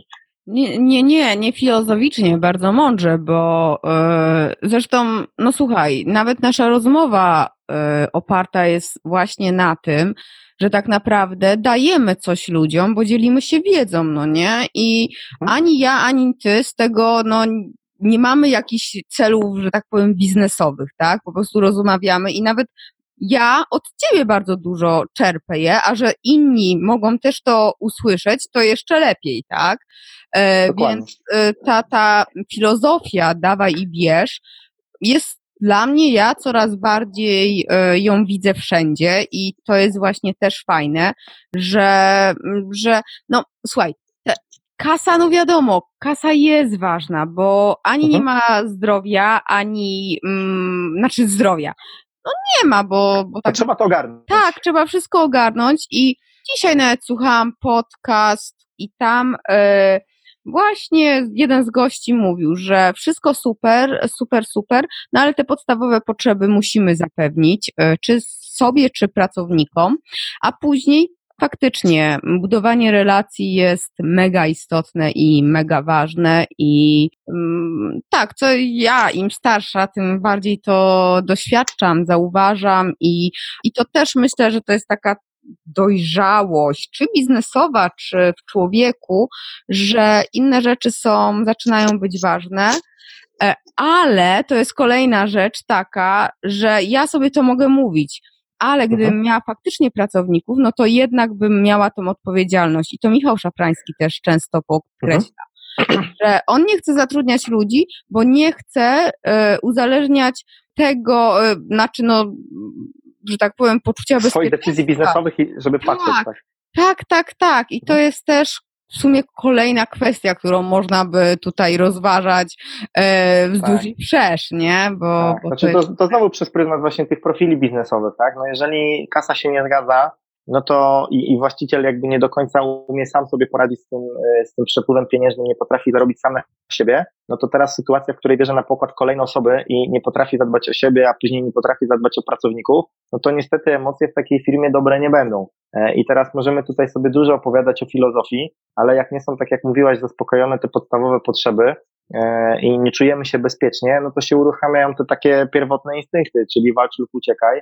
E, no i to też bardzo dobrze widać, jak się rozmawia z różnymi przedsiębiorcami, że jeżeli jest kasa ok, czyli dostarczamy wartość klientom, oni za tą wartość są gotowi zapłacić i, i, i widzą tą wartość, no to później ta rozmowa wygląda zupełnie inaczej, bo my nie rozmawiamy o tym, ile kosztują usługi, ile kosztuje współpraca, tylko traktujemy ten temat finansów jako taki oczywisty, że no, ja coś robię, daję ci wartość i ty za tą wartość płacisz, ale tu jest bardziej właśnie rozmowa o rozwiązaniach, o, o tym, gdzie chcemy dotrzeć, no bo to jest trochę tak jak z podróżą. Jeżeli jesteśmy dzisiaj w jakimś miejscu, e, chcemy z punktu A do B dotrzeć, no to możemy to zrobić albo tanim kosztem, to trochę zajmie więcej czasu, bo zrobimy to na piechotę, albo będziemy chcieli się przemieścić szybko i kupimy sobie bilet na samolot i zapłacimy za to. E, ja czasami nas e, na takich spotkaniach e, czy na eventach pokazuję taki model, gdzie pytam przedsiębiorców, no coś takiego, ile na przykład kilometrów, jak będziemy na przykład przejść kilometr od tego miejsca, w którym jesteśmy do drugiego miejsca, które często przed spotkaniem sobie przygotowuję. Na przykład robimy spotkanie, załóżmy w Warszawie, gdzieś tam na placu Zawiszy, no to e, jakby się poruszali na przykład, żeby dotrzeć na stadion narodowy, to tam jest niecały tam kilometr czy z kawałkiem, a jakim wehikułem, czy jakim e, pojazdem by się przemieścili, jeżeli by się chcieli dostać na lotnisko w Modlinie, albo jakby się chcieli dostać na przykład na, e, do Kairu, czy do jakiegoś innego miejsca. No i okazuje się, że oni sami mówią, że słuchaj, no tutaj to możemy na piechotę i nie musimy mieć jakichś narzędzi, nie wiadomo jakich e, tutaj wehikułów, ale jeżeli byśmy chcieli dotrzeć gdzieś tam do Modlina, no to jak ktoś lubi maraton, mhm. no to jeszcze sobie da radę, bo 40 kilometrów pobiegnie i za te 3 godziny w tym Modlinie będzie, no ale mówi to już raczej pewnie pociąg, e, jakaś SKMK czy, e, czy jakiś bus, żeby tam dotrzeć, no ale do Kairu to już raczej samolot. No jak później pytam, jak mieliby 40 tysięcy kilometrów zrobić, no to co by wybrali? No i to jest wtedy taki, e, że tak powiem, mm, obrys ziemi, tak, czyli dookoła świata, jakby chcieli -hmm. po się przemieścić, a jak mówimy o 400 tysiącach kilometrów, no to jakby chcieli się dostać z Ziemi na Księżyc. E, no i to jest też trochę taka metafora biznesu, bo jeżeli chcemy mieć biznes, który obsługuje na przykład 400 tysięcy klientów, czy milion klientów, no to no, trzeba mieć świadomość, że ten biznes nie będzie takim biznesem, który obsługuje jednego czy dziesięciu. Tak? No i będzie trochę bardziej skomplikowany, będzie więcej osób musiało w tym biznesie pracować. Ja powiem przez pryzmat mojego doświadczenia w Urzędzie Miasta w Warszawie, czyli teoretycznie organizacji, która ma półtora miliona mieszkańców jako klientów, jako osób, które musi świadczyć usługi i usługi bardzo skomplikowane, ponieważ to są usługi od etapu e, narodzin, e, czy nawet wcześniej, przez e, szkołę, przez ośrodki sportu, rekreacji, poprzez wydawanie dowodów osobistych, poprzez małżeństwa i, i do zgonu, tak? I, I jakby te wszystkie usługi, te wszystkie produkty musi ta organizacja dostarczyć. No i, i to też nie jest takie proste, bo, bo, bo tych usług jest dużo, klientów jest dużo, budżet oczywiście też jest zacny, ale, ale to jest skomplikowany mechanizm. To nie jest łatwo takiego dużego potwora przestawić nagle na zupełnie jakieś inne tory, tak? No tak, tak, tak, oczywiście.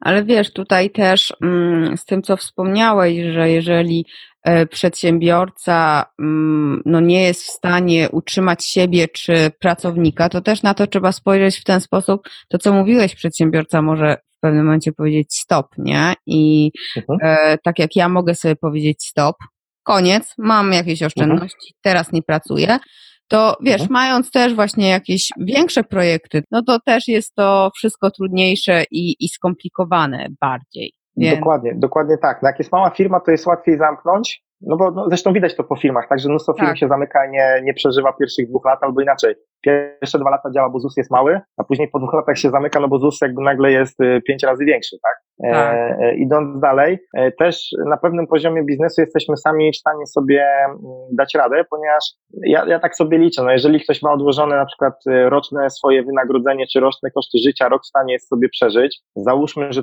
to jest taka średnia krajowa, te 4000 zł, chyba teraz 4,5 tysiąca złotych jako te wynagrodzenie, no to razy 10 to jest 45 i załóżmy około 50-60 tysięcy złotych pieniędzy na koncie, czyli rok mógłby nie pracować, tak, przy tym standardzie życia. No i teraz nagle wskakuje na projekt, który y, może mu dać na przykład milion albo 10 milionów złotych przychodu. No i teraz, jeżeli coś takiego się nie uda zrobić, to nagle te jego oszczędności w porównaniu w skali są w ogóle nieistotne, bo on nawet gdyby chciał, to swoich oszczędności no nie jest w stanie wygospodarować na zapłacenie ludziom w projekcie. Zresztą no, słyszymy o tych różnych aferach na dużych poziomach biznesowych, gdzie tam ileś tysięcy ludzi e, zostało w jakiś tam sposób e, wykorzystane czy wprowadzone w błąd. E, czy, czy tak samo jak były momenty, gdzie, no nie wiem, na budowach, jeśli dobrze pamiętam, w tym rynku budowlanym, że budowa, budujemy drogi, a później się okazuje, że nie jesteśmy w stanie tych dróg sfinansować, albo e, wykonawcy tych dróg, nie, czy podwykonawcy nie dostają wynagrodzenia. No i te zatory płatnicze i te mm, opóźnienia w płatnościach, no one są taką zmorą tego rynku w Polsce. E, no i o ile na takim poziomie mikro mogą nas nie zabić, bo mamy oszczędności, które pozwolą poradzić sobie w trudnych sytuacjach, no tyle na pewnym takim średnim poziomie jest już ciężko, tak? No więc no, no, no, to jest proces, to jest proces, te narzędzia, których ja używam, one po prostu mi pozwalają trochę łatwiej przejść przez tą drogę. E, oczywiście też nie, nie pozwalają się wszystkich błędów ustrzec, bo tego się nie da zrobić, ale skoro ktoś e, już te błędy popełnił, można z tych błędów wyciągać wnioski, no to najtaniej i najłatwiej uczyć się na innych, tak innych i myślę, że też ta wymiana wiedzy, wymiana poglądów, innych punktów widzenia się mega przydaje i ta robota, którą ty robisz też jakby jest wartościowa dla przedsiębiorców, bo oni widzą, jeżeli chcesz zrobić podcast, to zadbaj o to i o to. Jeżeli rozmawiasz z ekspertami z różnych dziedzin, no to e, w biznesie, czy tak jak dzisiaj rozmawiamy, zadbaj o finanse, zadbaj o pracowników, o nastawienie do pracy, o procesy, procedury. E, I, I to pozwala tym przedsiębiorcom popatrzeć na swój biznes trochę z innej perspektywy. E, I, i to nas po prostu rozwija dalej jako, jako przedsiębiorcy, tak? Tak, tak. No, wiesz co, mówisz, że z narzędzia, tak? Że czasem mm, są bardziej skomplikowane narzędzia, czasem mniej, no bo wiadomo, w mhm. zależności od skali problemu biznesu. czy i też wspominałeś, że masz różne narzędzia, to z jakich narzędzi takich no, dostępnych dla, na przykład dla mnie, gdybym chciała sobie sama coś przetestować, sprawdzić, czy, czy są takie narzędzia, z których bym mogła też skorzystać? Mhm, zdecydowanie tak. Oczywiście jest kwestia e, poziomów budżetowych, od którego chcemy zaczynać, ale jest mnóstwo rzeczy, które są darmowe, dostępne i można z tego zdecydowanie skorzystać. E, jeżeli chodzi o te narzędzia, o których Ci mówiłem, czyli dynamikę, no to jest możliwość, żeby e, z wiedzy skorzystać, można powiedzieć, bezpłatnie, bo jest portal, na którym ta wiedza jest dostępna, są ćwiczenia, są, są takie można powiedzieć, takie mikro, mikro szkolenia, mikro warsztaty. Minus jest taki niestety, że dzisiaj jeszcze jest to na poziomie języka angielskiego. Z jednej strony minus, no bo ta dostępność język, czy ograniczenia w postaci językowych utrudniają, ale z drugiej strony niektórzy klienci mówią dobrze, bo to mnie zmotywuje do tego, żeby trochę więcej nad językiem angielskim popracować. E, jeżeli chodzi o takie rzeczy dostępne, mnóstwo rzeczy w internecie dzisiaj możemy znaleźć. Minus jest taki, że wiedzy jest bardzo dużo, więc warto sobie znaleźć osoby, które działają na tym poziomie biznesowym co my, albo chcielibyśmy działać na tym poziomie co te osoby, osiągnęły jakiś tam sukces, e, definiowany bardzo różnie, tak, czy rozpoznawalnością, czy wielkością biznesu, czy e, branżą, w której działają i po prostu z tymi osobami pogadać i zapytać, w jaki sposób moglibyśmy my im pomóc, albo jak te osoby mogły pomóc nam. I to jest jakby dostępne. Ja dużo rzeczy wykorzystuję po prostu z narzędzi zarządzania i dynamika to jest jedno. Drugie takie, które ja lubię to jest zrównoważona karta wyników i to jest Kaplan Norton badania naukowe z lat 90. Oni analizują, jakie obszary w firmie trzeba poprawić.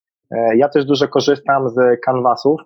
Jeżeli się popatrzy na Strategizer czy Leanstacka, czyli takie portale, gdzie właśnie ta, te modele Lean Canvas czy Value Proposition Design są, ja mam takie poczucie, że wiedzy dzisiaj nie brakuje. Ona jest dostępna bardziej jakby na różnych poziomach finansowych, ale jest dostępna generalnie. Problem jest taki, że my nie zawsze wiemy, czego szukać, no i wtedy potrzebujemy jakiegoś przewodnika, który nam wskaże kierunki.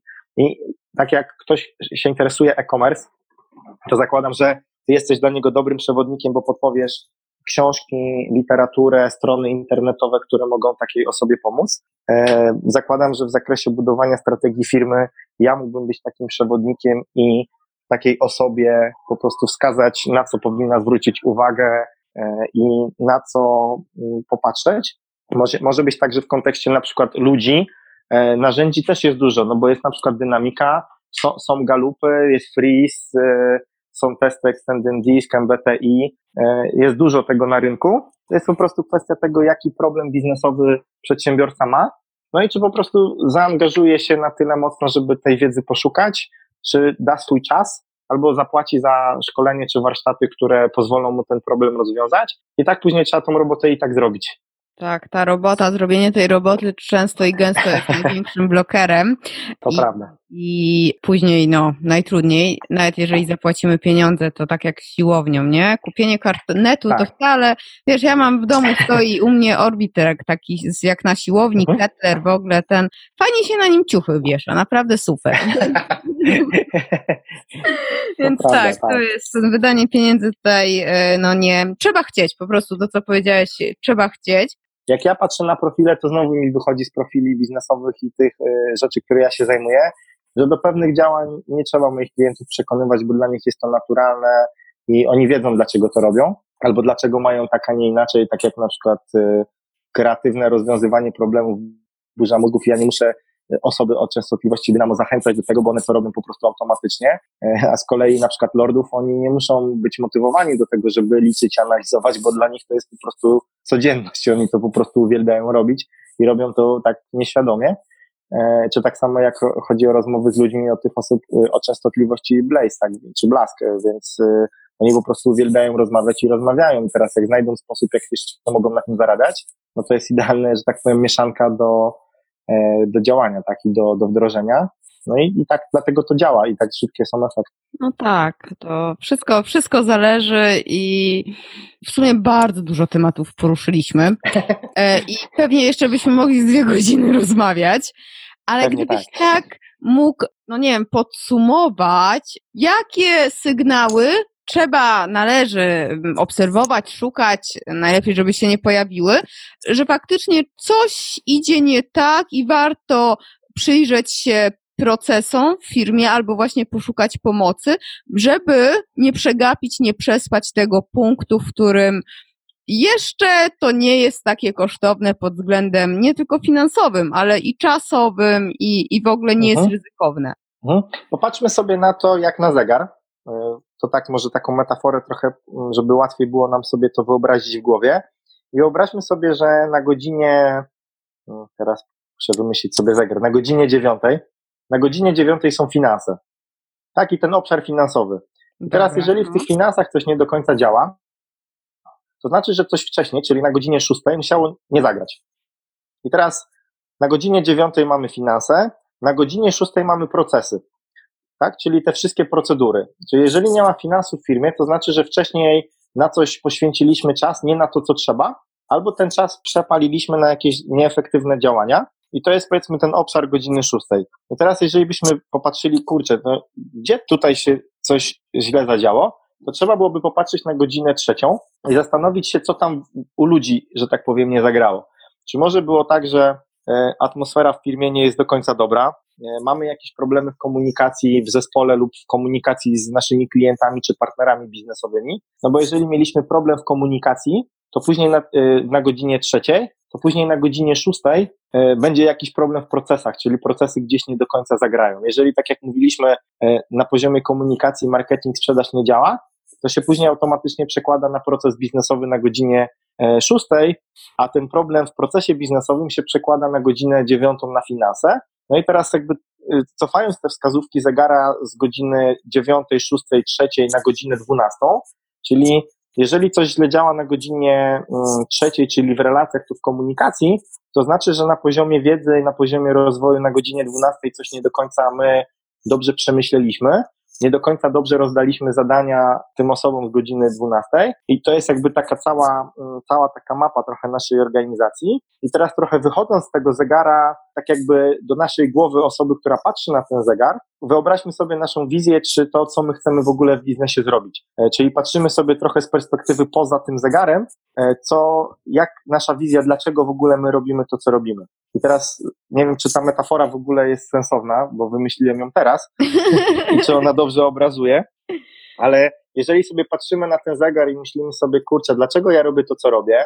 I mówię sobie tak, na godzinie 12 muszą ludzie wiedzieć, co jest do zrobienia, jakie zadania są do wykonania i my jako właściciel firmy sobie to uzgodniliśmy, ustaliliśmy, taki jest plan, taka jest strategia, takie są cele to później kto te cele, czyli idziemy po wskazówkach zegara, kto te cele ma wykonać, e, kto będzie najlepszą osobą do zrealizowania tych zadań, kogo mogę poprosić o pomoc. Jeżeli odpowiednio dobiorę te osoby do tych zadań i one będą chciały to realizować, to później na etapie godziny tej szóstej te procesy będą szły dużo lepiej, dużo sprawniej, e, będzie mniej problemów, mniej błędów, szybciej po prostu będziemy realizować zadania, będziemy szybciej dostarczać wartość, e, będziemy szybciej na przykład rozpatrywać reklamacje klientów, jeżeli się w ogóle jakiekolwiek pojawią, zadbamy o to, żeby klient tą wartość dostał w odpowiednim czasie, w odpowiedniej jakości. Jeżeli klient dostanie tą wartość w odpowiednim czasie, w odpowiedniej jakości, będzie z niej zadowolony, spełni to jego potrzeby i oczekiwania, to powinno się przełożyć na godzinę dziewiątą na finanse i na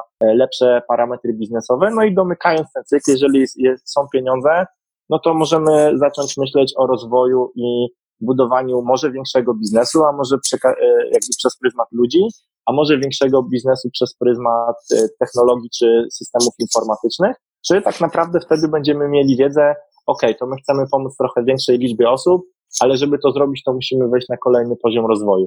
I po prostu te wskazówki zegara będą na, tak, dla nas takim drogowskazem, takim kierunkiem, gdzie powinniśmy, że tak powiem, uważać, gdzie powinniśmy być bardziej ostrożni e, i wiedzieć, z czego wynika ten cykl e, tak naprawdę budowania firmy albo no, zwijania tej firmy. No bo jeżeli nie będzie finansów, to znaczy, że wcześniej gdzieś popełniliśmy błąd. Jeżeli procesy okaże się są dobre, to znaczy, że na etapie osób coś nie zadziałało. Jeżeli na etapie procesów jest ok, na etapie ludzi jest ok, to może na etapie produktu, na etapie celów coś jest nie do końca dobrze przemyślane. No i tak, tak można byłoby tutaj szukać takich elementów ostrożnościowych, i możemy popatrzeć na to z perspektywy cyferek. No jeżeli e, nie robimy spotkań z klientami, no to trudno oczekiwać, że jacyś klienci u nas będą w firmie. Jeżeli nie dostarczamy im wartościowej wiedzy, e, nie dzielimy się tą wiedzą i nie mówimy klientom, w jaki sposób możemy im pomóc, no to to jest trochę ten syndrom bycia w garażu. Jesteśmy w garażu, mamy super produkt, ale nikt o nim nie wie. I tutaj internet super w tym pomaga, ale trzeba i tak zrobić pracę, zrobić dobry produkt, dobrą usługę, pokazać tą usługę, porozmawiać z tymi ludźmi, zapytać, czy oni tego potrzebują, opracować sposób dotarcia do tych ludzi, sposób rozmawiania z nimi, sposób dostarczania im tej wartości, sposób wystawiania faktur, e, wyliczania kasy i analizowania tego całego modelu biznesowego. No to jest taki, tak jak z tego co widzę, to faktycznie to okrąg, zegar i to taki troszeczkę cykl ciągłego doskonalenia, no nie? Tak, I tak, tak. tak ja, ja zwykle jak rozrysowuję strategię, to też to jest w okręgu, nie? I trzeba w te godziny te wskazują, te tam dziewiąta, dwunasta, szósta, mhm. y, to to troszeczkę takie punkty kontrolne, nie? Że tak. okej, okay, tutaj, dobra, zatrzymaj się, idziemy, idziemy, idziemy, zatrzymaj się, jest okej, okay, czy nie jest ok. Jeżeli nie jest, no to się cofam. Jeżeli jest ok, to mhm. idę dalej, tak? I takie małe kroczki i faktycznie, ale cały czas mieć w głowie ten, ten cel, do czego chcę dążyć, ten środeczek, nie? Troszeczkę Tak, no, bo, bo, bo wspomniałaś właśnie o tym cyklu doskonalenia, tak? Czyli jakbyśmy popatrzyli sobie znowu na narzędzia zarządzania, Czyli ten taki klasyczny Deminga, chociaż yy, ostatnio patrzyłem, że wcale Deming tego nie wymyślił, tylko trochę to inaczej wyglądało, ale załóżmy, że przyjęło się w kanonie, że to Deming, czyli ten plan do check act, tak? Czyli zaplanuj, co tak. masz do zrobienia, wykonaj, sprawdź, czy to działa i popraw ewentualnie, jeżeli widzisz,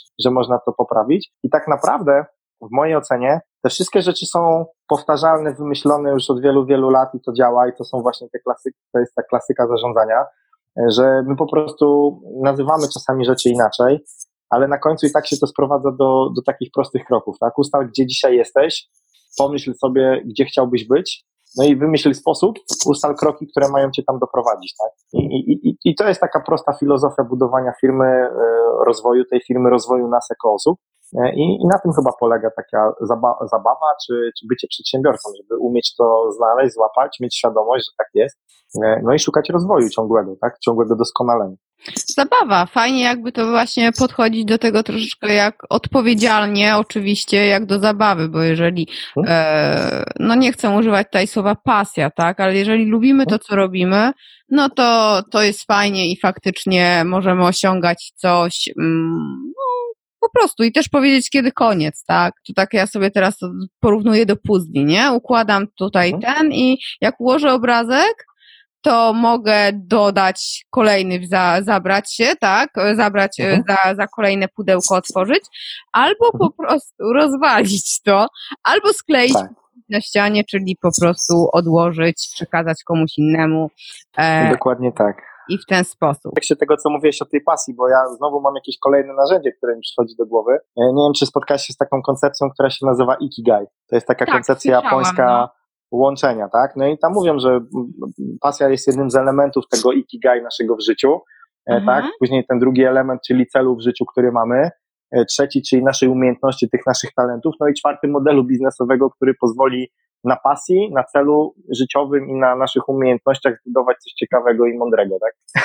Tak, więc, fajne więc to połączenie. też jakby kolejne narzędzie. Tak, tak. tak. Fajne połączenie i biznesu troszeczkę i, i znaczy no tak, nie troszeczkę nawet i, i też takiego życia osobistego, nie? No bo hmm? no, żeby... No, zobacz, no, gdybyśmy nie mieli tej pasji, gdyby nas nie ciekawiło e, jakby to, co robimy, no bo mnie na przykład fascynuje sposób funkcjonowania organizacji, jak te mechanizmy działają, i się tego uczę i tak naprawdę nikt mi nie płaci za to, że czytam o tym, e, bo był taki moment, że nikt mi za to nie płacił, tak, po prostu uczyłem się tego, bo lubię to robić, e, a jakby w pewnym momencie zdałem sobie sprawę, że to, że to jakby nauczyłem się tego, poczytałem, podoświadczałem, porobiłem to w biznesie, że to może być sposób na zarabianie, i to jest taki idealny świat, w którym wiesz, robisz to, co lubisz, robisz coś, co pomaga innym, masz w tym pasję, masz fan, jeszcze na tym zarabiasz. I to jest taki idealny świat, do którego dążymy. To nie jest takie proste, mm, jak się wydaje, ale mając narzędzia, no to jest łatwiej to po prostu zrobić, bo, bo na tym to też polega, tak? Widzę, że coraz więcej osób zdaje sobie sprawę, że no trzeba zacząć szukać takich rzeczy, które nie, nie zawsze się przekładają na pieniądze, ale warto je robić, bo one dają coś innego niż tylko taki wymierny finansowy wynik. Tak, to myślę, że coraz więcej osób e, kieruje się ku przeżywaniu, byciu, a nie posiadaniu i, i to jest fajne, no. bo, bo pokazuje troszeczkę inną perspektywę i... Taki ludzki obraz biznesu, nie? Tak, tak. Słuchaj, ja mam nadzieję, że mi podeślesz e, linki do, do tych wszystkich narzędzi, o których mówiłeś. E, okay. Ja oczywiście ci dam ściągę, czyli do przesłuchania, e, żebyś mi wypisał. I co?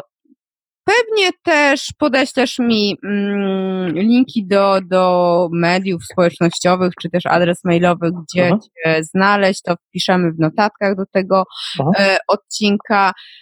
I tak na koniec, czy jakoś jednym zdaniem możemy jak podsumować to, bo, bo po prostu tyle, tyle wiedzy, e, to jest wow, naprawdę ogrom. Dziękuję Ci za to i myślę, że słuchacze też będą mega zadowoleni. E, no tak, jakoś to tak podsumować? Podsumować? Ja myślę, że można by to podsumować w ten sposób, że po pierwsze warto wiedzieć, w jakim my obszarze się dobrze czujemy i który obszar jest taki nasz w kontekście tych obszarów, które są w firmie.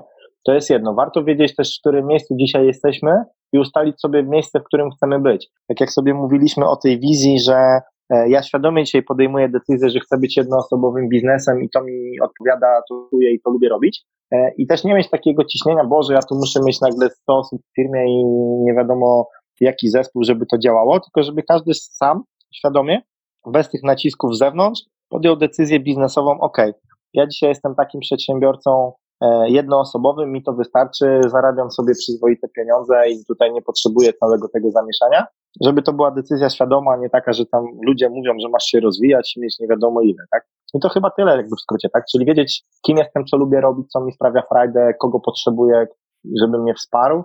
E, jeśli potrzebuję wiedzy, no to wiedzieć, z kim rozmawiać, gdzie tej wiedzy szukać, e, no i wiedzieć, do czego dążymy jako przedsiębiorca. Bo, bo myślę, że ten kierunek sobie jak wyznaczymy, to później jest łatwiej poukładać do tego strategię, łatwiej też szukać później tych doradców czy ekspertów e, i wiedzieć, kogo, kogo zapytać, tak? Dokładnie, jak nie wiemy dokąd zmierzamy, to dokądś dojdziemy, tak? Tylko gdzie to, Dokładnie. Gdzie to, to miejsce będzie. Dobrze, Dokładnie ja Ci tak. bardzo jeszcze raz dziękuję i no co, w kontakcie. Ja również. Dziękuję, że wysłuchałaś mojego gadania, bo to czasami trudno jakby mnie słuchać, ja mógłbym dużo i różnych rzeczy, jakby jakieś były jeszcze pytania, to wiesz, nie krępuj się, to będę starał się jakoś tam podpowiedzieć, bo jak widzisz, lubię rozmawiać, lubię się dzielić wiedzą, bo to robię od zawsze i jeżeli to może komuś pomóc, no to tym lepiej, tak? Super, super. To dzięki wielkie i cześć. Dzięki serdecznie. Do usłyszenia. Pozdrawiam. Hej. hej. Pa.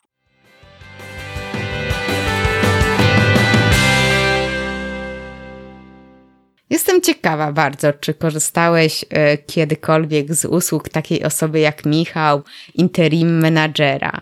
E, jeśli tak, no to fajnie, jeżeli podzielisz się w komentarzu, w mm, notat, pod notatkami do tego odcinka podcastu. Mm, to będzie mm, na stronie achmieleska.com łamany na 046. Chętnie się dowiem, jakie usprawnienia wprowadził, co zmienił, w czym pomógł a może e, jesteś freelancerem, tak jak ja. I ciekawi mnie właśnie w tym temacie, jakie masz podejście do swojego biznesu, do swojej jednoosobowej działalności gospodarczej. Czy myślisz może o zatrudnieniu pracowników, do powiększenia swojej działalności? E, chcesz skalować właśnie firmę poprzez mm, jej rozbudowę? E, czy wręcz przeciwnie, tak jak ja, mm, raczej nie myślisz o zatrudnianiu ludzi i, i e, szukasz innego sposobu na skalowanie swojej działalności. Też będzie mi miło, jak e, powiesz, mm, jak to u Ciebie wygląda. Jeżeli nie na stronie, to w social mediach, na przykład na Facebooku.